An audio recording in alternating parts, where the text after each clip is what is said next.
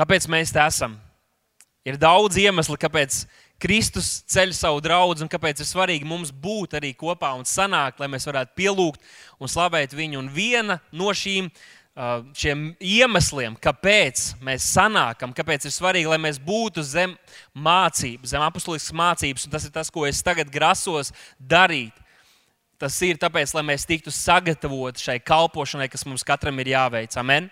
Ja pat tu sēdi šeit un tev šķiet, es jau labi tieku galā ar savu dzīvi, un man pat nav daudz vajadzību, tad klausies, ir kalpošana, ko Dievs ir sagatavojis, lai tu to darītu, draudzē un ārpus tās. Un tas, ko mēs šeit darām, un kā Dievs lieto arī kalpošanas dāvāns, un šajā dienā man būs privilēģija uz jums runāt. Dievs to lieto, lai mēs katrs varētu efektīvi izdarīt to, kam mēs esam aicināti.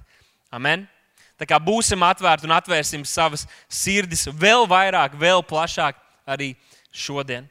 Es gribu runāt par tēmu, kad ticība top pilnīga. Kad ticība top pilnīga. Mēs visi zinām, ka ticība dara fantastiskas lietas. Ticība spēj izdarīt brīnumus, ticība var atnest rezultātus, par kādiem cilvēcīgi mēs nevaram pat sapņot. Bet ko spēj izdarīt pilnīga ticība? Lai mēs saņemtu no šī plaši klātā galda, ko Dievs ir uzklājis mūsu priekšā, nepietiek ar to, ka mēs zinām, ka tāds galds ir. Nepietiek ar to, ka mēs redzam, ka tur ir salikti gardi ēdienu un lietas, kuras mēs gribam baudīt un kuras mums ir vajadzīgas, lai mēs dzīvotu.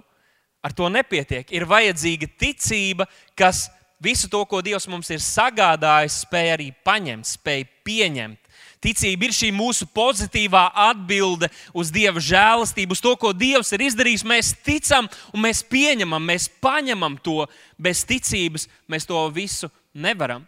Tāpēc šodien es gribu runāt par tēmu, ka ticība to pilnīga, un lai ievadītu šajā, šajās pārdomās un šajā vārdā, es gribētu atsaukties uz 15. gadsimta franču teologu Džonu Kalvinu. Un viņš ir teicis vārdus, un es nespēju atrast vai noformulēt vēl labāk. Man liekas, ka tas ir ģeniāli pateikts. Un viņš ir teicis šos vārdus, ka vienīgi ticība glābi, bet glābjoša ticība nekad nav viena. Izlasīsim tos vēlreiz un domāsim līdzi, ko tie nozīmē. Vienīgi ticība glābi, bet glābjoša ticība nekad nav viena. Kā es to saprotu?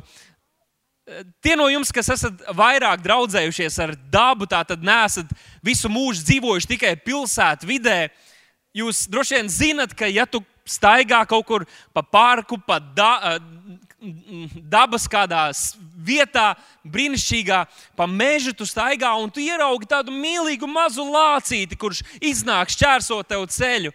Tad tā reakcija, pirmā reakcija no mūsu puses nevajadzētu būt, oh, cik mīlīgs mazs lācītis, nāc, es tevi pabužināšu. Kāpēc tā? Jo, ja tu redzi mazu, mazu lāča, kucēniņu, mazu lāča bērniņu, tad tas nozīmē, ka kaut kur netālu visdrīzāk ir dusmīga lāča mamma, kura darīs visu, lai pasargātu savu mazulīti no šī iedomātā ienaidnieka, kas esi tu, kas grib tikai uztaisīt Instagram bildi ar mazu mīļu lācīti. Ticība nekad nav viena. Jūs esat kādreiz par to domājuši? Nekad nav viena. Jā, mēs zinām, ka tikai ticība glābi, ticība uz Kristu, uz viņa paveikto darbu, ir nekas vairāk nav vajadzīgs, un neko vairāk mēs nevaram izdarīt, lai sevi izglābtu. Tomēr ticība nekad nav viena. Līdzīgi kā laulātais, kopš no brīža, kad slēdz derību ar savu dzīves draugu Dievu priekšā, jūs gan uz brīdi varat būt atšķirti, bet jūs nekad neesat vieni, jo jūs esat savienoti Dieva priekšā. Viņš jūs dara par vienu. Ticība nekad nav viena. Ticībai vienmēr ir kompanioni, ticībai vienmēr ir sadarbības partneri, ticībai vienmēr ir komanda, ir kaut kas, kas iet līdzi. Ticība nekad nav viena. Kas tad ticībai līdzi iet? Mēs varētu runāt par daudz ko, par pateicību, par slāvu, par, par zināšanu, par cerību un tā tālāk, bet es šodien gribētu likt uzsvaru uz šo monētas otru pusi, ka ticībai vienmēr līdzi nāk ticības darbi. Un, ja jūs gribētu, lai es jums to novienkāršoju, nu tā, lai tas nav tik sarežģīti, ko ticības darba nozīmē, tad es jums pateiktu to pavisam vienkārši. Tā ir paklausība. Ticība nekad nav viena, jo tai vienmēr līdzi nāk ticības darbi, ko mēs tā vienkāršot varam nosaukt par paklausību. Iespējams, šīs nedēļas laikā, pēdējo dienu laikā, arī jūs esat dzirdējuši ziņās priecīgu vēsti, ka tepat mūsu kaimiņu zemē, kur jau ilgstoši notiek cīņa par savu brīvību un zemi pret agresoru, Ukrainas spēki ir atguvuši Helsonas atgabalu. Tātad paliela teritorija ir panākusi to, ka pretinieks, ka agresors ir atkāpies, ir atstājis šo teritoriju. Kā gan viņi to panāca? No vienas puses mēs saprotam, ka kaut kur tur augšā kādi, kuri pieņem lēmumu, viņiem ir jābūt cerībai, pārliecībai, ka ir iespējams, ka uzvara ir iespējama, ka ir jēga, ka ir, ka ir, ka, ka ir jēga cīnīties, ir jēga pretoties, ka uzvara var nākt un arī kareivi, savas zemes aizstāvi, kas atrodas šajos apgabalos, arī viņi, viņiem ir jābūt šai ticībai, ka ir iespējams, ka mēs gūsim uzvaru, ka mēs aizstāvēsim, ka pretinieks atkāpsies. Bez šīs ticības, bez šīs cerības viņi jau sen būtu salūzuši. Bet tajā pašā laikā mēs saprotam un labi apzināmies, ka šī ticība nebija viss, šī pārliecība nebija viss, kas viņiem piemita. Kā gan viņi piedzīvoja šo grandiozo uzvaru, kas varbūt nav tik liela, kā mēs cerētu un gribētu, un tomēr tas ir solis pareizajā virzienā. Viņu pārliecībai sekoja arī, mēs varētu tos nosaukt par ticības darbiem. Viņi rīkojās saskaņā ar savu pārliecību. Šajā jaunajā nedēļā mēs svinēsim svētkus, ko katru gadu mēs visā valstī svinam, atzīmējot īpašu notikumu mūsu valsts vēsturē. 1918. gada 18. novembrī mūsu tautas padomes sēde, tātad pad, eh, tautas padome tikās Nacionālā teātra telpās, un šos cilvēkus vienoja pārliecība, ticība, ka par spīti tam, ka gadiem ejot dažādas lielvaras ir gājušas cauri, uzkundzējušās, nicinājušas, pazemojušas mūsu tautu un tos, kas dzīvojuši šajā zemē. Ka ir iespējama neatkarīga Latvija, kur mēs paši būsim noteicēji par to, kas notiks mūsu zemē. Un šie vīri sapulcējās, jo ne tikai viņiem bija šī ticība, cerība, pārliecība, bet viņi bija gatavi rīkoties. Viņi satikās un pasludināja to, kas tajā brīdī vēl aizvien šķita neticami. Brīdī, kad viņi atstāja šīs viesmīlīgās telpas, viņi redzēja lielvaru, bruņu tehniku un karavīru staigājām apkārt, un tomēr viņiem gribējās, viņiem bija nepieciešams to pasludināt un pateikt, ka Latvijas zeme nu pieder, un par to ir atbildīga Latvijas tauta. Tie no jums, kas esat veltījuši laiku, lai iepazītos ar kādiem ticības brāļiem un māsām šeit draudzē, jūs esat dzirdējuši par brīnumainām lietām, ko Dievs ir darījis. Mēs varētu runāt par visam ikdienišķām un arī par tādām neparastām, neparastiem brīnumiem, ko cilvēki ir piedzīvojuši. Tāpat mēs varētu paskatīties uz šo dievnam, kur atrodamies, uz to, kurā šobrīd atrodas mūsu pusauģi un bērni un saņem kalpošanu mums blakus. Un mēs varētu atzīt un teikt, ka mēs šeit atrodamies, jo mēs šeit atradās mācītājs un atradās cilvēku grupa, kuru kādas dēvē par prieka vēsti, kuri ticēja, ka tas ir iespējams, ka Dievs vēl aizvien dara savus darbus, ka Dievs ceļ savu draugu un ka Dieva prāts ir, lai mums būtu nams, kur mēs šo kalpošanu varam veikt. Bet tie, kas esat ilgāk kopā ar mums, jūs zinat, ka mēs nepalikām pie ticības, un tāpēc visu to apkārt, kas mums ir, mēs to varam redzēt un baudīt šī ticība parādījās mūsu darbos.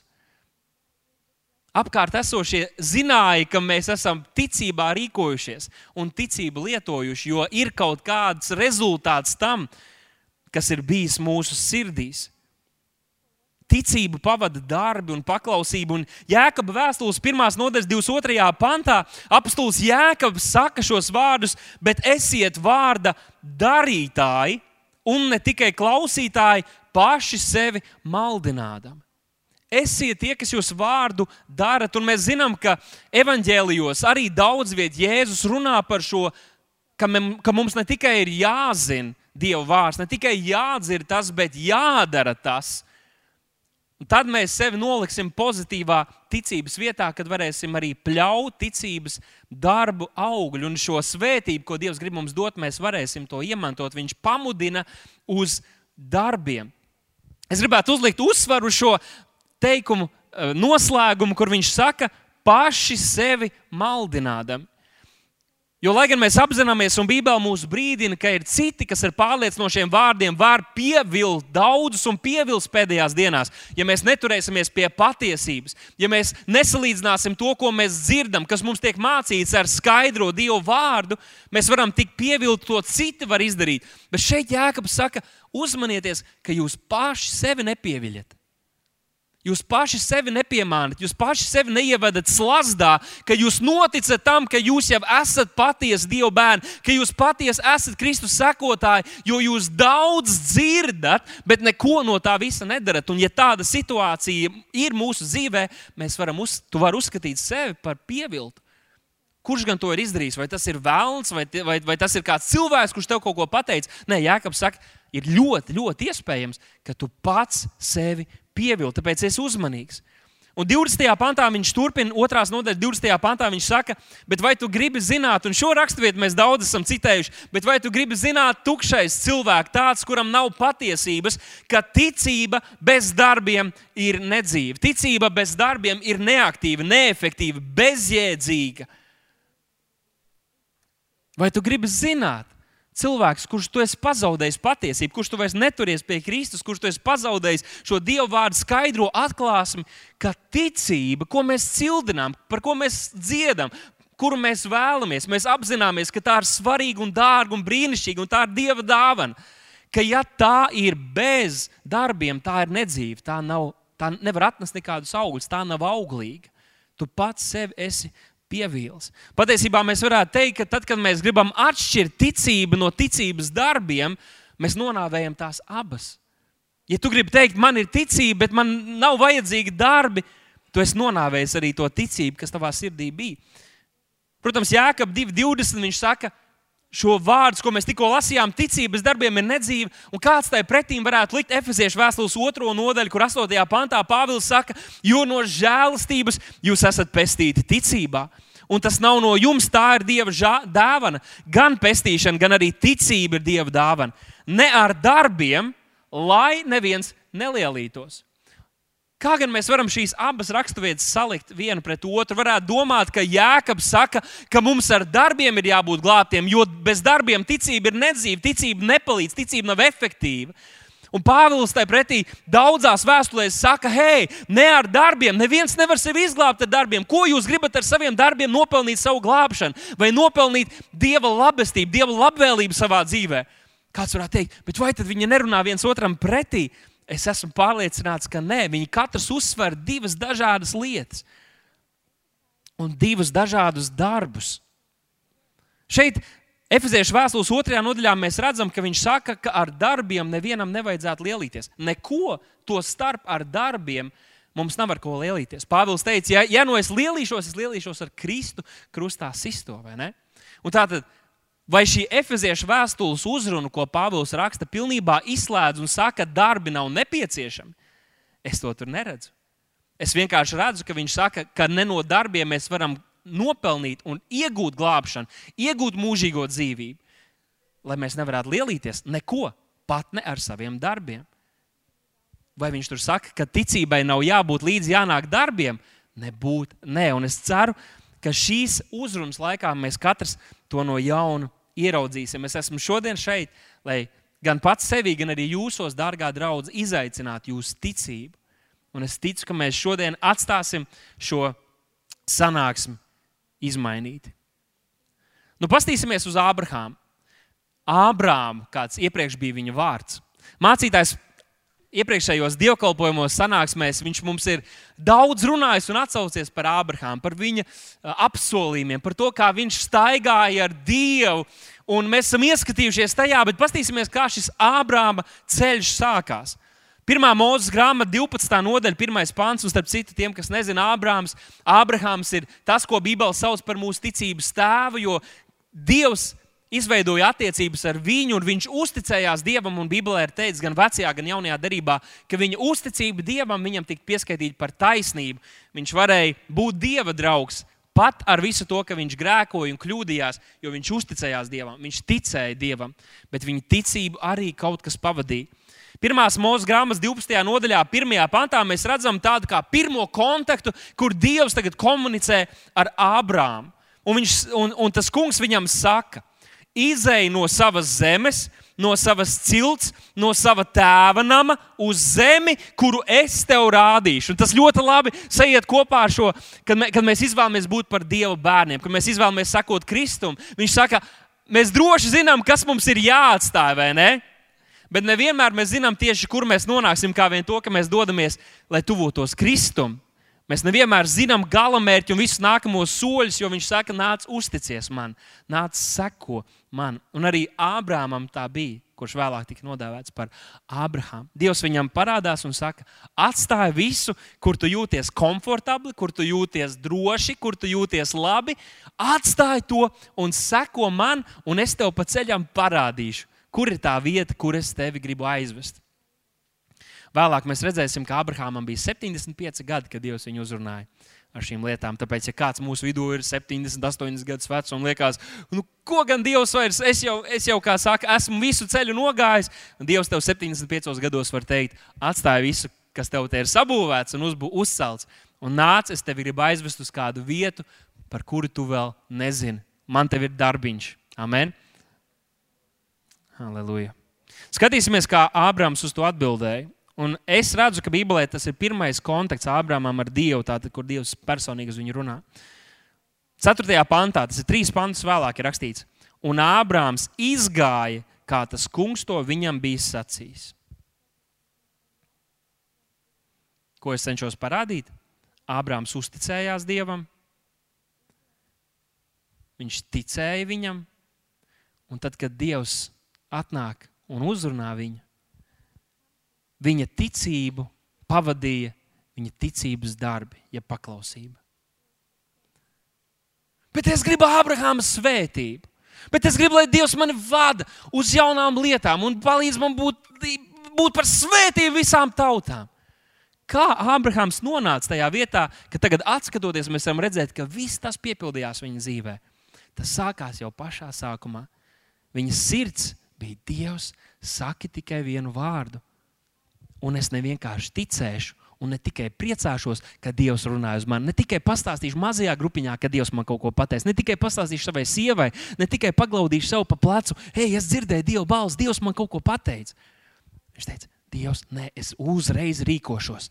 Trīs pantus vēlāk viņš pat nespēja uz labierīcībām aiziet. Dievs viņam pateica, viņš bija ārā. Lūk, tā bija situācija, kad ticība kļuva iespējama kad dievišķie brīnumi kļuva iespējami viņa dzīvē. Nevis viņa komforta vietā, bet brīdī, kad viņš saka, ok, es kāpju ārā no laivas. Kā Pēters spēja staigāt pa ūdens virsmu? Ja to viņam būtu teicis Jēkabs, nāc, Pēters, staigā pa ūdens virsmu uz mūsu otru laivu. Viņš pirmkārt visdrīzāk to nebūtu darījis, un otrkārt, ja viņš to būtu darījis, viņš būtu izgāzies. Bet viņš dzirdēja Jēzu, un Jēzus saka, nāc, Kad Dievs tevi aicina, tas atšķirās no tā, kad cilvēki tevi uzrunā. Kad Dievs tevi uzrunā, kad Dieva vārds atklājās tev pavisam personīgi, un tu zini, ka tu zini, ka tu zini, ka tu zini, ka Dievs tev deva to pantu, vai ka tu zini, ka tu zini, ka, tu zini, ka tajā sapnī, ka tu dzirdēji to balsi, ka tu dzirdēji to iekšējo pamudinājumu, ka tas ir Dievs, tas atšķirās no tā, kā mēs parasti jūtamies.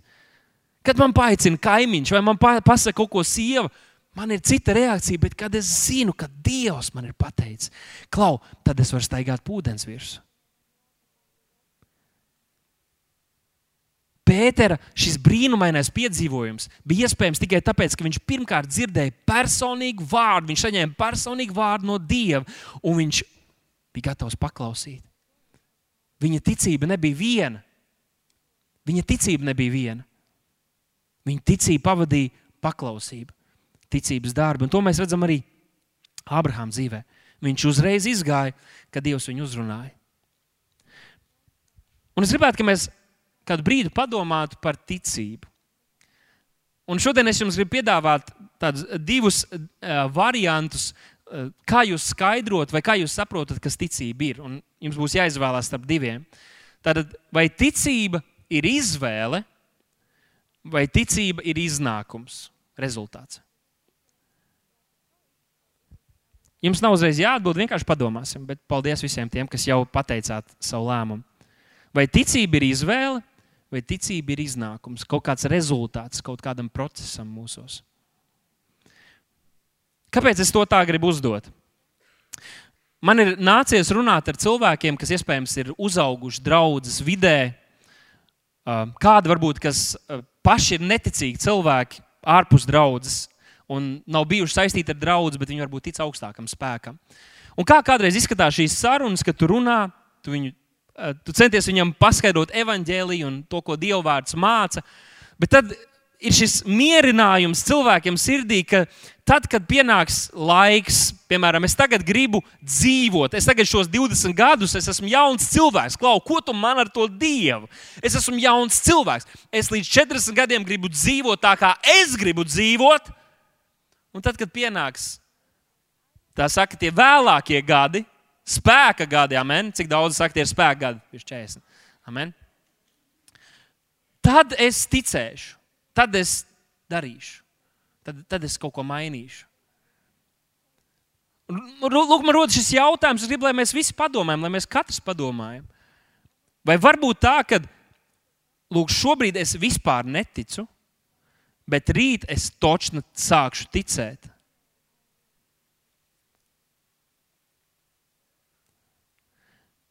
Vai varbūt tā, ka 40 gadus es dzīvošu sev, es barošu sevi ar visu neticību, ar visu pasaulīgu informāciju, visu, ko, un tad būt pārliecināts, ka man būs 40, tā, 40 gadu jubileja, un visi viesi sanāks, teiks, ah, 40 gadi.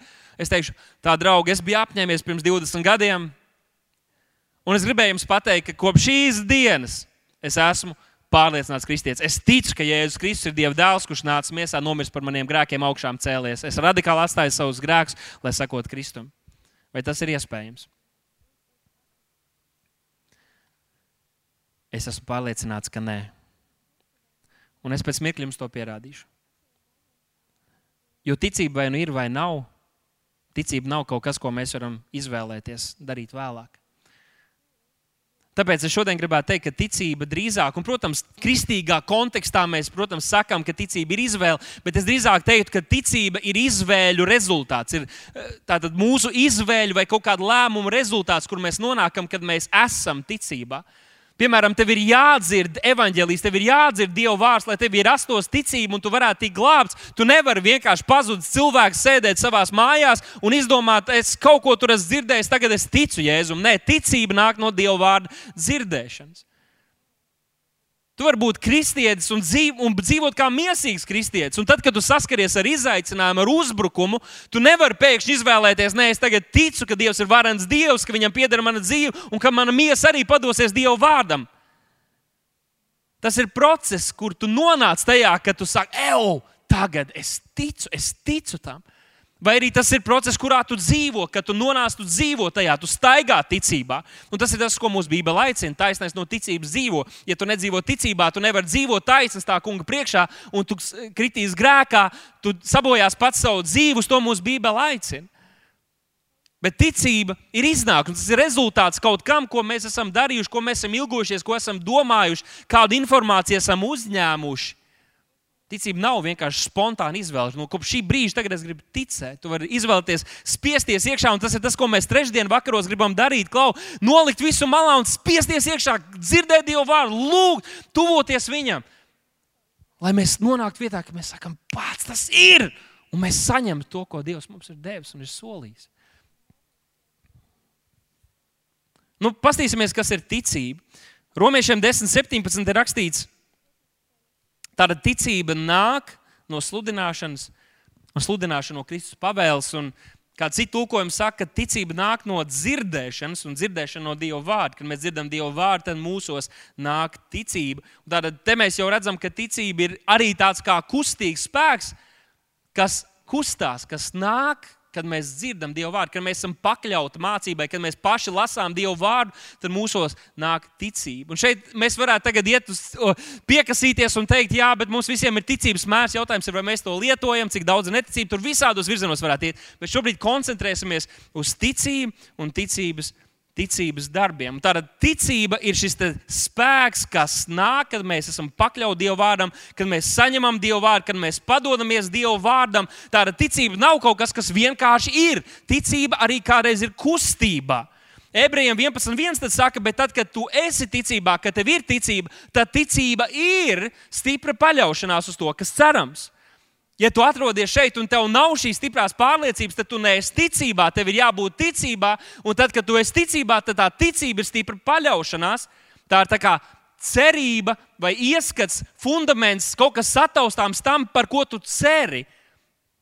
Tu vari pieskarties un redzēt tam, kas nav redzams. Ticība ir šis spēks, kad tev ir ticība, kad tu esi ticībā, tad tu sāc dzīvot tā. Visbeidzot, romiešiem 10, 10 ir rakstīts, jo ar sirds ticību panākam taisnību un ar mutes liecību pestīšanu. Un šeit atkal mēs jau redzam, un mācītājs kādus uh, dievkalpojumus atpakaļ uz to norādīja. Šeit mēs redzam ticība, kas ir sirds lieta, bet tas, kas ir mūsu sirdī, pēc tam sāk izpausties. Un viņš saka, Tātad ar sirds ticību panākam taisnību, ar mutes liecību pestīšanu. Tātad mūsu ticība kaut kā izpaužas, un arī tā ir daļa no mūsu ticības darbiem. Tātad tā ir sirds lieta. Ticība ir sirds lieta. Tas ir kaut kas, kas notiek šeit iekšpusē. Cilvēki no ārpuses to nevar redzēt, bet tu pats zini, un Dievs to zina, ka tu esi ticībā, ka ticība ir tevī. Pāvils rakstīja korintiešiem, arī mēs ticam, tāpēc mēs runājam, tāpēc šeit ir šī mutes liecība. Jo, ja tu tiešām tici, tas izpaudīsies pa visām tavām šūniņām ārā. Jēkab 2.14. viņš tālāk turpina, ko tas palīdz mani brāļi, ka kāds teica, tam esot ticība, bet tam nav darbu. Vai ticība viņu var izglābt? Un šeit atkal Jēkabs turpina šo runu, kur mēs jau iepriekš iesākām lasīt. Viņš saka, vai tā ticība var izglābt? Un tā acīm redzama atbilde, taču, protams, ir jā vai ne? Jo ticība taču ir tas vienīgais, kas mums ir jādara, ja mēs ticam, ja mēs uzticamies viņam, tad mēs tiekam glābti. Bet es ticu, ka šeit viņš runā par kādiem citiem darbiem. Viņš liek divus šos eh, darbus, viņš liks kontrastā. Tātad viena ir bauslības darbi, kad mēs gribam nopelnīt kaut ko no Kristus, un otrs ir ticības darbi, kuri ir kā rezultāts šai ticībai, šai pārliecībai, šai uzticībai, kas mums ir uz Dievu. Bet viņš saka, ka ja kāds teica, tam esot ticība, bet tam nav darbu, mēs principā sevi. Mēs principā sevi pieviļam. Ja mums ir ticība, tas kaut kā izraisīsies mūsos. Nu, iedomāsimies, ka uh, es pirms kāda laika arī dzirdēju par kādu diezgan populāru personu, uh, kurai nebija laba veselība. Un tad viņš satiekoties ar kādu speciālistu, un tas speciālists viņam pasaka, ja tu šādi turpināsi, Un viņš pirms tam bija mēģinājis visu kaut kādas diētas, visu kaut kādas ārstu un visu kaut kādas pieejas, lai uzlabotu savu veselību, bet viņam tas nebija sanācis. Un šis cilvēks viņam pateica, un kāda saka, tas ir uh, viltvārds, kāda saka, tas ir par īstam, bet bija pateicis pēc kādām analīzēm, ka, ja tu šādi turpinās, tev atliks vēl dzīvot septiņus vai desmit gadus. Un kad tu dzirdi kaut ko tādu, šis cilvēks noticēja tam, un tas radikāli palīdzēja viņam izmainīt viņa dzīvesveidu. Ja kāds viņam būtu atnācis un pateicis tos pašus vārdus, un viņš būtu pasmējies par tiem, viņa dzīvē nekas nebūtu mainījies, bet tāpēc, ka viņš noticēja, viņam radās tāda šai ticībai līdzi nāca arī darbi, kas izpaudās pavisam praktiskā veidā, viņam izmainot viņa, viņa dzīvi. Un tas rezultāts arī ir bijis acīm redzot labs. Nu, kā būtu, ja kāds tev pieietu šodien pēc dievkalpojuma un teiktu, tu šomēnes ļoti labi strādājis, un tev būs liela prēmija. Vai tas tev izraisītu prieku? Tev neizraisītu prieku, ja viņš nav tavs priekšnieks, vai ne? Jo tu viņam neticētu. Bet, ja tas būtu tavs priekšnieks vai kāds darba kolēģis, kurš teikt, ej, es te dzirdēju, ka tev ir šo, šo, šomēnes labi rezultāti, un tu zinātu, ka tā ir patiesība, un viņš tev saka, ka tev šomēnes būs liela prēmija, tad tu jau vienalga, kur tā saruna būtu notikusi, tu būtu prieka pārņemts, jo Tu noticēji tam, patiešām noticēji. Un tas uzreiz kaut ko izraisīja tevī, kādu reakciju.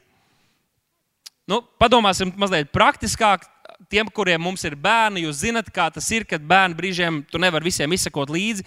Un pieņemsim, ka jūs esat pagalmā, jūs esat kaut kur pie dabas, un pēkšņi kāds kliedz: Dāvid, tavs, tavs dēls ir iekritis ledainā ūdenī! ja mēs esam pieraduši, ka mūsu draugi šādi mūs kaitina, tad droši vien, ka tu pasmēji, beidz! Nu.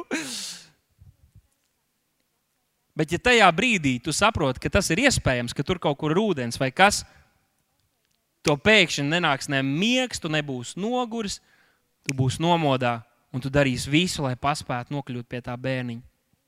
Man uh, vakar bija tāda interesanta situācija, kad mums tagad dēliņš arī ir sācis kāpelēt visu kaut kur augšā.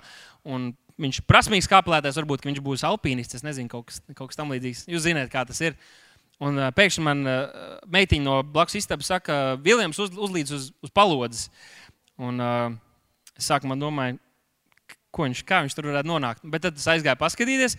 Un jā, Viņš uh, uzkāpa uz palodzes, stāv šitā ar muguru pret stikla un stiepjas tur kaut kādas triķīšas. Nu, viņam kaut kā uz augšu visu laiku ir. Viņš visu laiku uz augšu. Un es kā tipis tēvs sākumā paņēmu nobildēju un tad nocēlu viņos. Nē, vairs tā nedara dēls. Tā nedrīkst, nedrīkst. Tas ir slikti, slikti, slikti.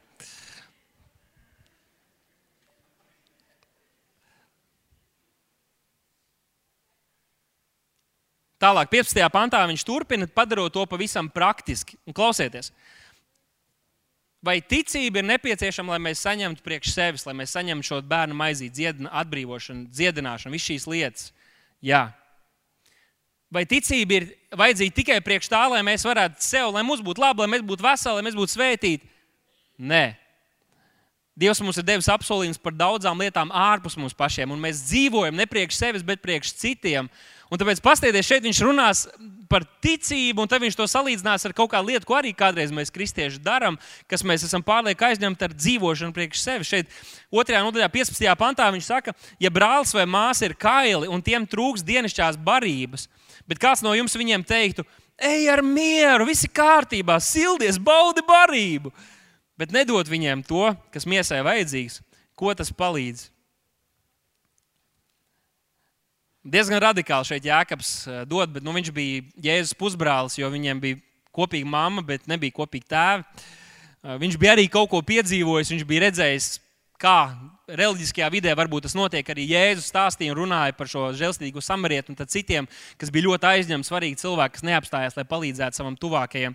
Un šeit Jānis kaut kādu līdzīgu tādu attēlu mums iedod. Viņš saka, labi, ja tev ir ticība, bet tev nav darba, tava ticība ir tikpat bezjēdzīga kā tas, ja tev pieiet kāds, kam ir reāla vajadzība, un tu viņam saki, hei, viss kārtībā, svini, ej, paēd, ej, ej, tev barība ir pa pilnam, bet viņam nav barības. Redziet, cik vienkārši. Ko Jēkabs saka? Viņš saka, mūsu ticība, ja tai nav šis līdzējošais kompanions, kurš padara mūsu ticību pilnīgu, kas palīdz šai ticībai atnest rezultātus, saņemt no vis tā galda, ņemt no galda, ko Dievs ir saklājis. Tā ir bezjēdzīga. Mēs paši sev pieviļam, mēs paši sev mānam. Un tas cilvēks varbūt labi jūtās, pateicis citiem, hei, es esmu, viņš aizgāja iedrošināts, bet viņš aizgāja, viņam vēl aizvien nav ko ēst. Viņam vēl aizvien nav ko vilkt.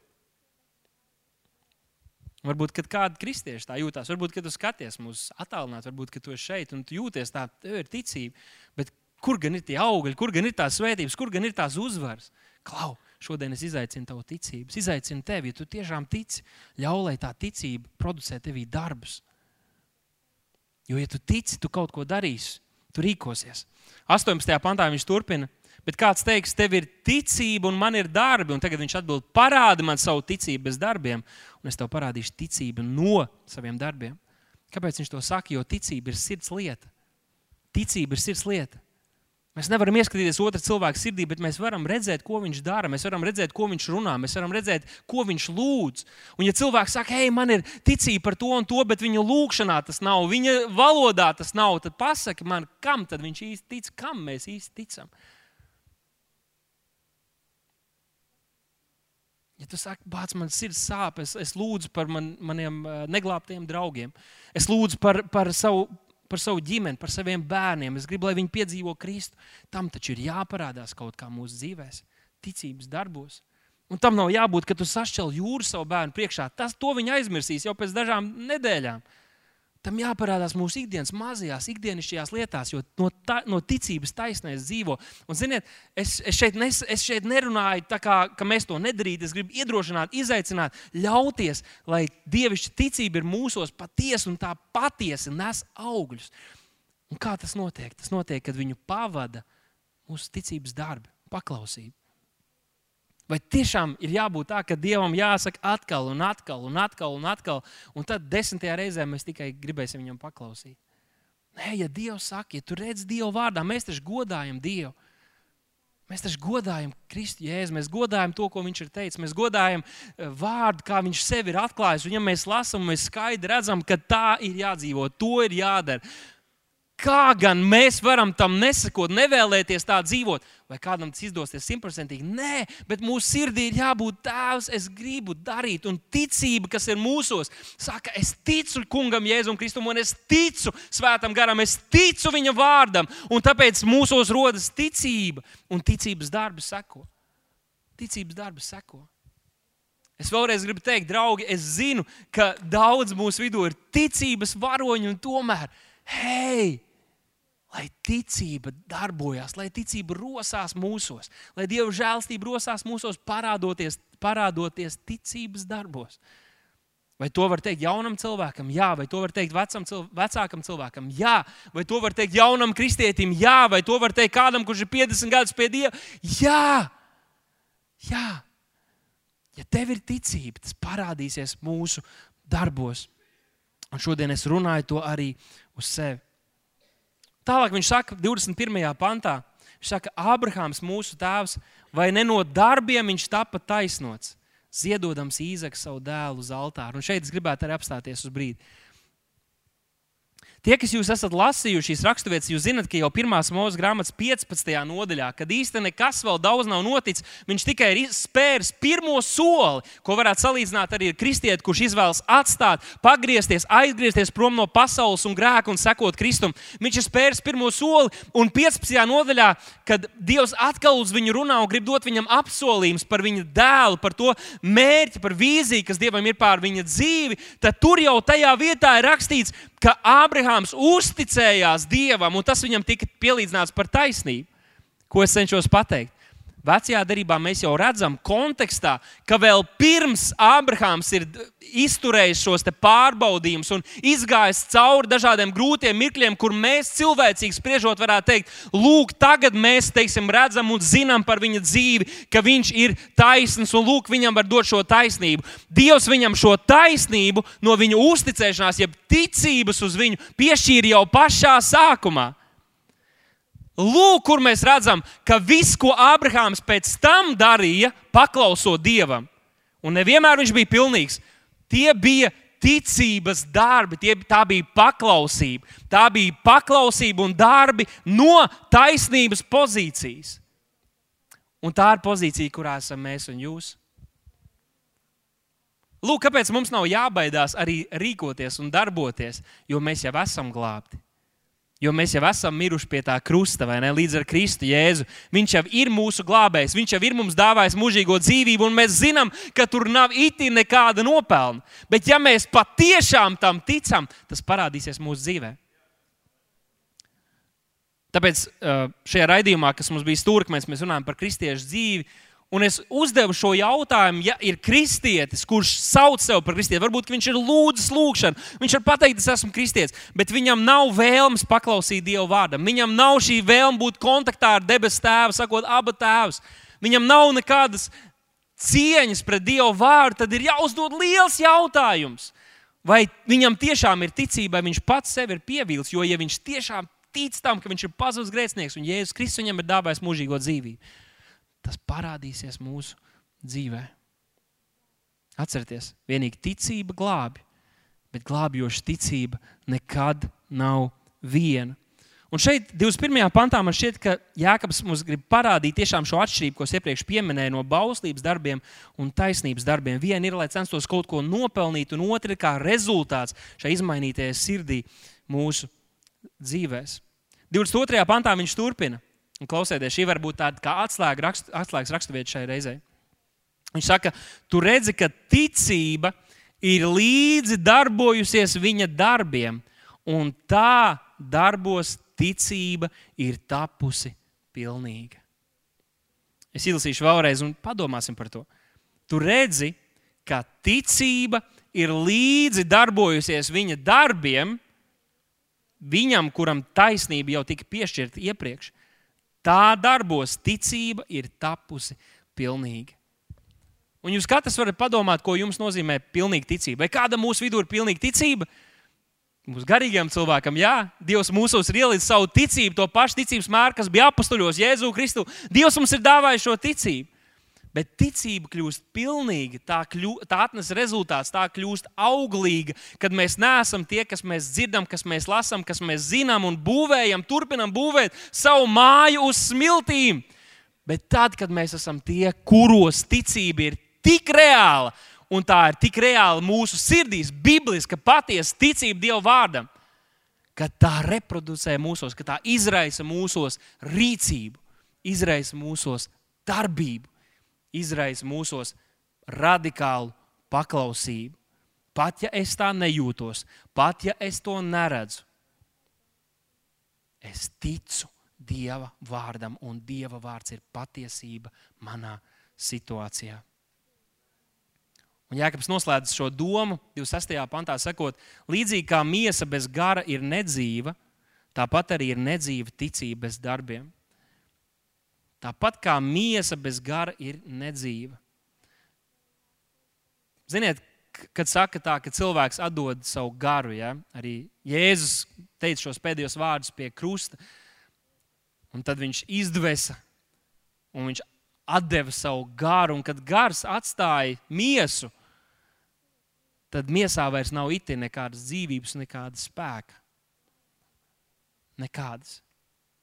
Un tāpēc, tad, kad Dievs radīja cilvēku no pīšļiem salikt, viņš dvēsa viņā, viņš iedeva cilvēkam garu. Un tajā brīdī viņš kļūst dzīves. Tajā brīdī viņš atdzīvojas, viņš kļūst dzīves, viņš varēja funkcionēt, viņš varēja piepildīt savu aicinājumu un izprast to un lietot savu autoritāti. Un šeit Jēkabs saka, klau, ja jums ir ticība, bet tai nav darbu, da, tas neparādās darbos, tas ir kā cilvēka ķermenis, kur, nu, kur ir atstājusi dzīvību.